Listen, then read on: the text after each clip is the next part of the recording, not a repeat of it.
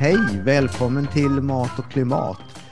I dagens episod så ska vi prata om batterier och varför det är nyckeln till minskning av utsläppen eh, globalt och i Sverige. För det behövs mycket batterier eh, i världen för att vi ska kunna minska utsläppen snabbt. Och jag har med mig Rickard Linde, Grow Sverige. Välkommen! Tack! Eh, Rickard, du kan väl först berätta på tio sekunder, vad är Grow för någonting? Grow gör opinionsbildning för solenergi och vindkraft och batterilagring på gräsrotsnivå.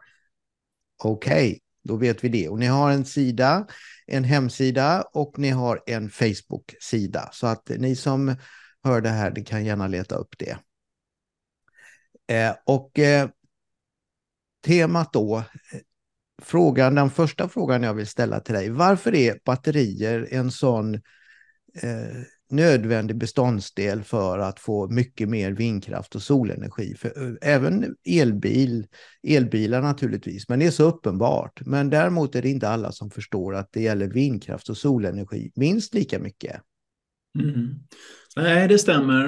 Uh, ja, de är ju viktiga för att med batterier, då kan vi ju få solenergi på natten eller när, det, när solen inte skiner och vindkraft när det inte blåser.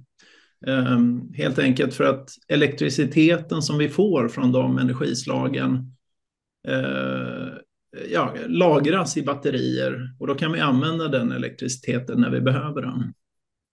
Mm. Och, och eh, det är också så att då när det gäller elnäten. Man behöver inte skicka lika mycket el från vindkraft till exempel i de här näten om man kan lagra på platsen och kanske mm, få ut elen i närområdet. Ja, men det stämmer. Det är ju, och batterier kan man ju ha både i, i ett hushåll eller i ett bostadskvarter, i en, i en stadsdel. De, de, de kan ju ha olika storlekar, batterierna. Och det gör ju att man kan Eh, man kan, eh, vad säger man, balansera elnätet. Så man istället för att skicka elektriciteten från ja, en vindkraftspark till exempel, så går de till batterierna. Eh, för när det är mycket elproduktion vid ett tillfälle, då kan ju elnätet bli överbelastat. Att det helt enkelt inte har kapacitet att ta emot all elektricitet. Och då är ju batterier ett sätt att Ehm, ja, då kan batteriet ta emot elektriciteten och lagra den så att vi kan använda den senare. Ehm, och på det sättet avbelastar de ju elnätet. Man kan väl lägga till då att eh, här i Sverige till exempel så talar också eh, näringslivet mycket om eh, vätgas som en lagringsform som funkar på samma, inte samma sätt, men har samma funktion som batterier. Absolut. Ja, vätgas är ju, det jobbar man ju hårt på nu att bygga ut. Um, för det är också ett sätt att lagra energi då. Och, uh, och det är ju ett sätt som kanske också lämpar sig bättre för en del industrier som behöver, ja, som stål och, och massa, där man behöver få upp väldigt höga temperaturer i sin produktion. Eh, och då, eh, då är vätgas lämpar sig bättre för det än, än vanliga batterier. Eh, men vätgas är ju också något man kan producera eh, från till exempel solenergi eller vindkraft. Då att man, man, man, eh, man använder elektriciteten från, eh, från solenergin och från vindkraften för att ta fram vätgas och sen kan den lagras i behållare och användas när man behöver den. Mm. Eh, och en nyckelfråga då har ju varit priserna på batterier. För ehm, eh, de har för några år sedan varit ganska höga, men sen har det gått ganska fort, eller hur? Det har det, absolut. Ja, egentligen så har priserna på batterier sjunkit konstant i, i, i flera decennier. Eller ja, man började väl göra det här på, på, i större skala för, vad kan det vara, 20-25 år sedan. Och då har mm. batteripriserna sjunkit i ungefär samma takt hela tiden.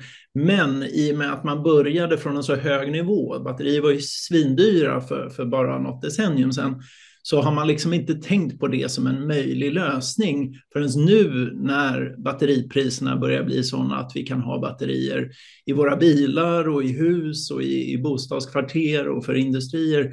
Nu är priserna så låga att vi kan börja använda dem för vanliga, ja vad ska man säga, vardagstillämpningar och så har det inte varit tidigare. Men däremot så prisutvecklingen, den fortsätter. Um, priserna på batterier fortsätter att sjunka. Um, och jag vet inte, ska jag gå in på varför det är så? kan du göra. Ja.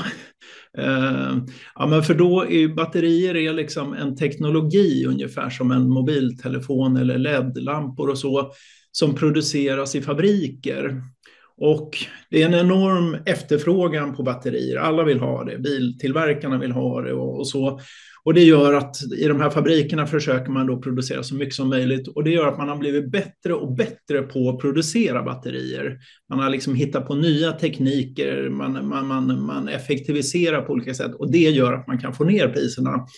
Och i och med att det fortfarande är så att, att efterfrågan är hög, jättemånga vill ha batterierna över hela världen, Eh, så fortsätter den här eh, processen då av effektiviseringar och därmed av sjunkande priser.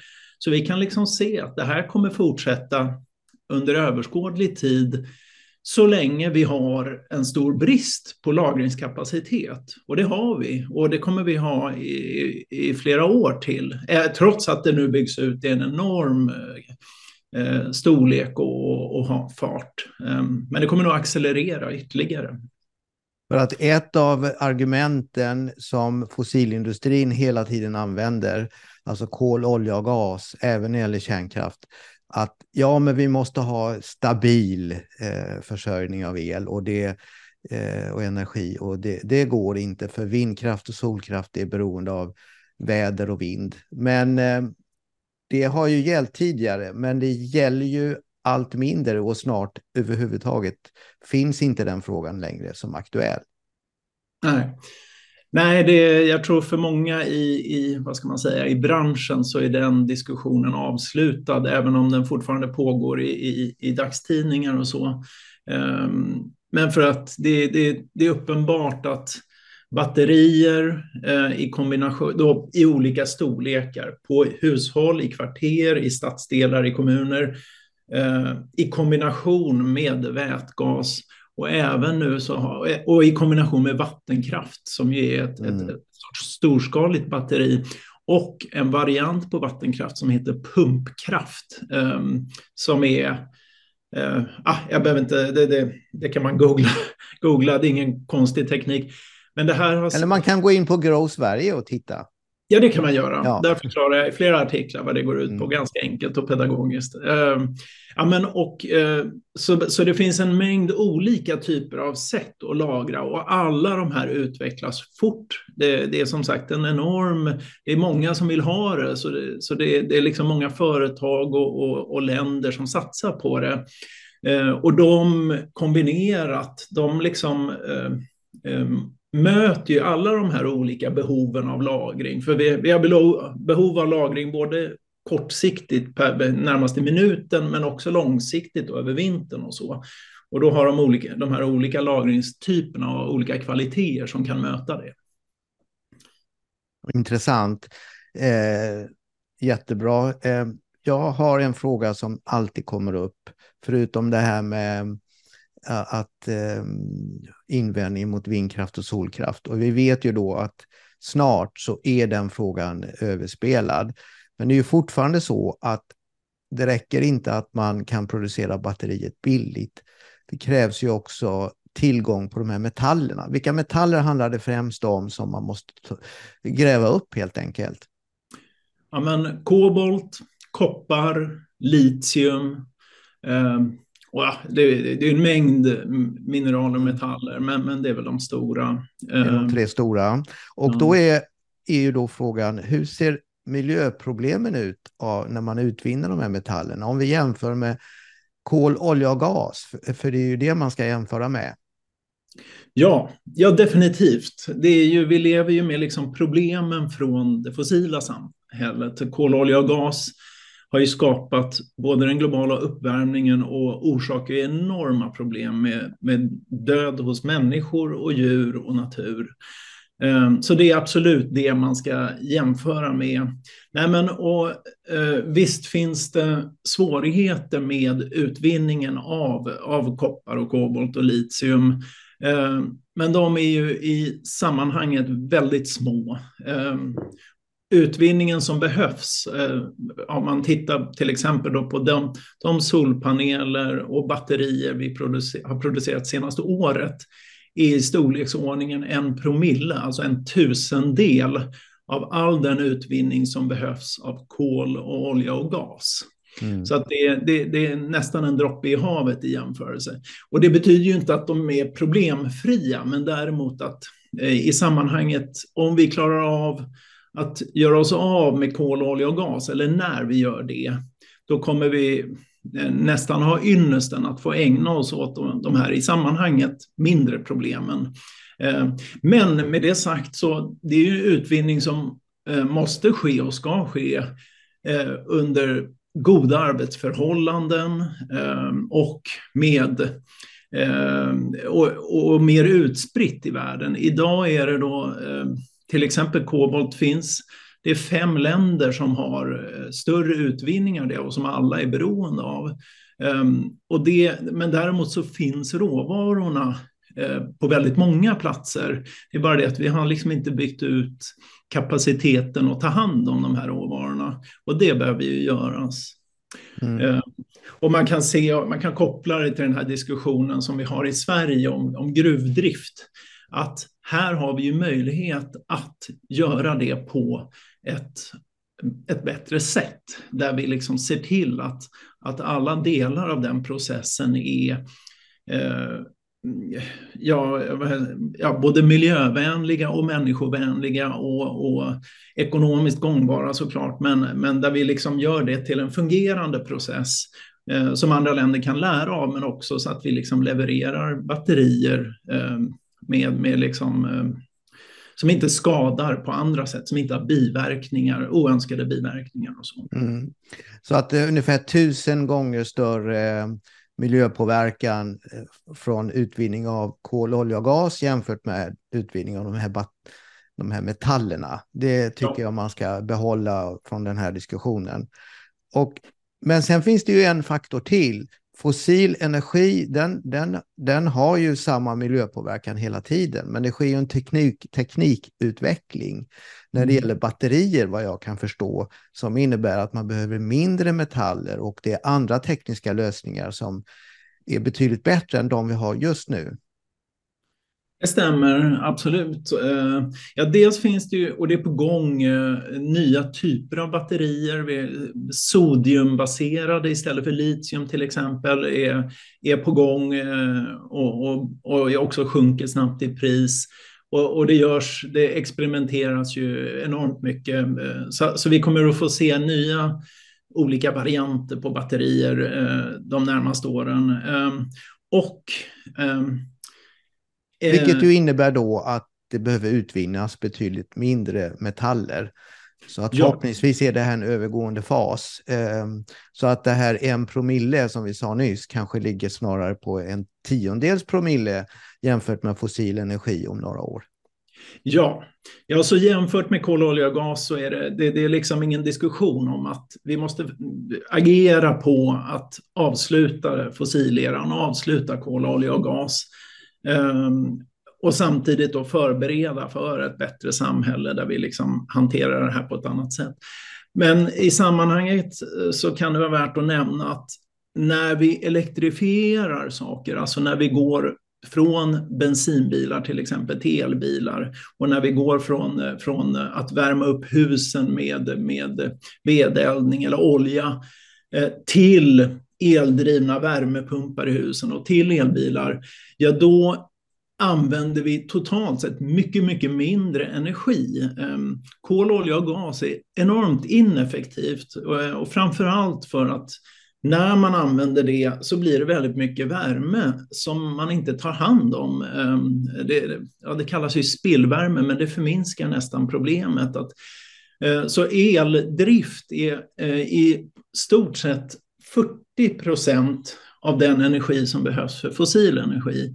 Så det är mer än en halvering av all, all ja, eh, som vi behöver helt enkelt för att vi tar hand om all den elen. Det är som när man kör en elbil när man står vid ett rödljus, då går det liksom inte åt någon elektricitet. Då står bara batteriet stilla, till skillnad från bensinbilar där avgaserna kommer ut hela tiden. De står och puttrar hela tiden. Det är en sån här konkret, när man märker när man kör en elbil så ser man liksom hur bensinbilarna gör sig av med energi eh, som elbilarna inte gör. De, eh, när de står stilla, då förbrukar de ingen, mm. ingen elektricitet. En invändning man ofta får, eh, här i Sverige till exempel, Eh, eller i många delar av den rika världen, det är liksom att ja, men vi behöver inte så hög, hög levnadsstandard, vi behöver inte ny teknik och så. Men det är ju fortfarande så att vi i hela världen använder väldigt mycket fossil energi. Och eh, eh, behovet av el i speciellt den fattiga delen av världen, den ökar ju, för där använder man väldigt mycket fossil energi. Och eh, för att de ska kunna avveckla det och också få el, till exempel i vissa delar av Indien, stora delar av Asien, eh, Afrika ännu mer, så har man ju ingen el överhuvudtaget. Och det gör då att barn till exempel kan inte studera eh, på ett bra sätt för de har inget ljus. Eh, det handlar om värme och det handlar om ljus. Och så att eh, det här är ju inte, de här batterierna är ju inte kanske ens i första hand till för oss i den rika delen av världen, utan de är till för de fattigare delen av världen ännu mer. Ja, ja men absolut. Eh, och det, man får väl, precis hur vi väljer att använda batterierna här i, i, i Sverige eller i Europa, det, det är ju en sak. Eh, men det som är den vad ska man säga, mest meningsfulla eh, konsekvensen av att bygga ut batterilagring och bygga ut solenergi och vindkraft, det är ju att eh, vi kan eh, hela, globalt ställa om från kol, olja och gas. Vi kan, vi kan avsluta kol, olja och gas i världen. Och kanske då framför allt, ja men när det gäller i många fattiga länder, då lagar man ju mat över öppen eld, så man eldar, vilket ger utsläpp. Um, till skillnad från om man hade en solpanel och, och ett litet batteri, ja, då kan man ju driva en, en spis eller någonting och det är faktiskt mindre utsläpp, eh, väsentligt mycket mindre utsläpp. En stor del av världens liksom, utsläppsproblem kommer ifrån att man eldar ved.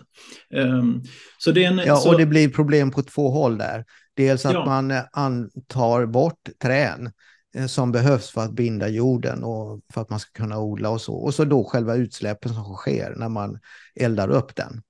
Ja, och det här är ju, nej men så att liksom vår, eh, man kan väl säga att det vi gör nu är ju ett sätt för att se till att hela världen byter från skadliga utsläpp som dödar människor och djur och, och natur i en helt obegriplig skala eh, så att vi kan skapa ett samhälle där vi liksom inte skadar oss själva och varandra bara för att kunna göra de vardagliga, att, att laga mat och, och värma upp våra bostäder. Så det är definitivt inte Eh, ett lyxproblem, utan tvärtom. Det är liksom att se till att men, alla människor kan leva i välfärd eh, och leva eh, vanliga liv. Eh, så det är, en, det, och det är väl ganska missriktat ibland att föra ut den här bilden då, att vi plötsligt så kör alla omkring i Tesla. Liksom. Det, eh, det är, inte dit, det är inte där vi vill hamna på något sätt, utan det, det, vi, vi försöker bygga någonting där alla människor har liksom tillgång till en, en vanlig dräglig tillvaro. Och så är det ju fortfarande inte på många håll.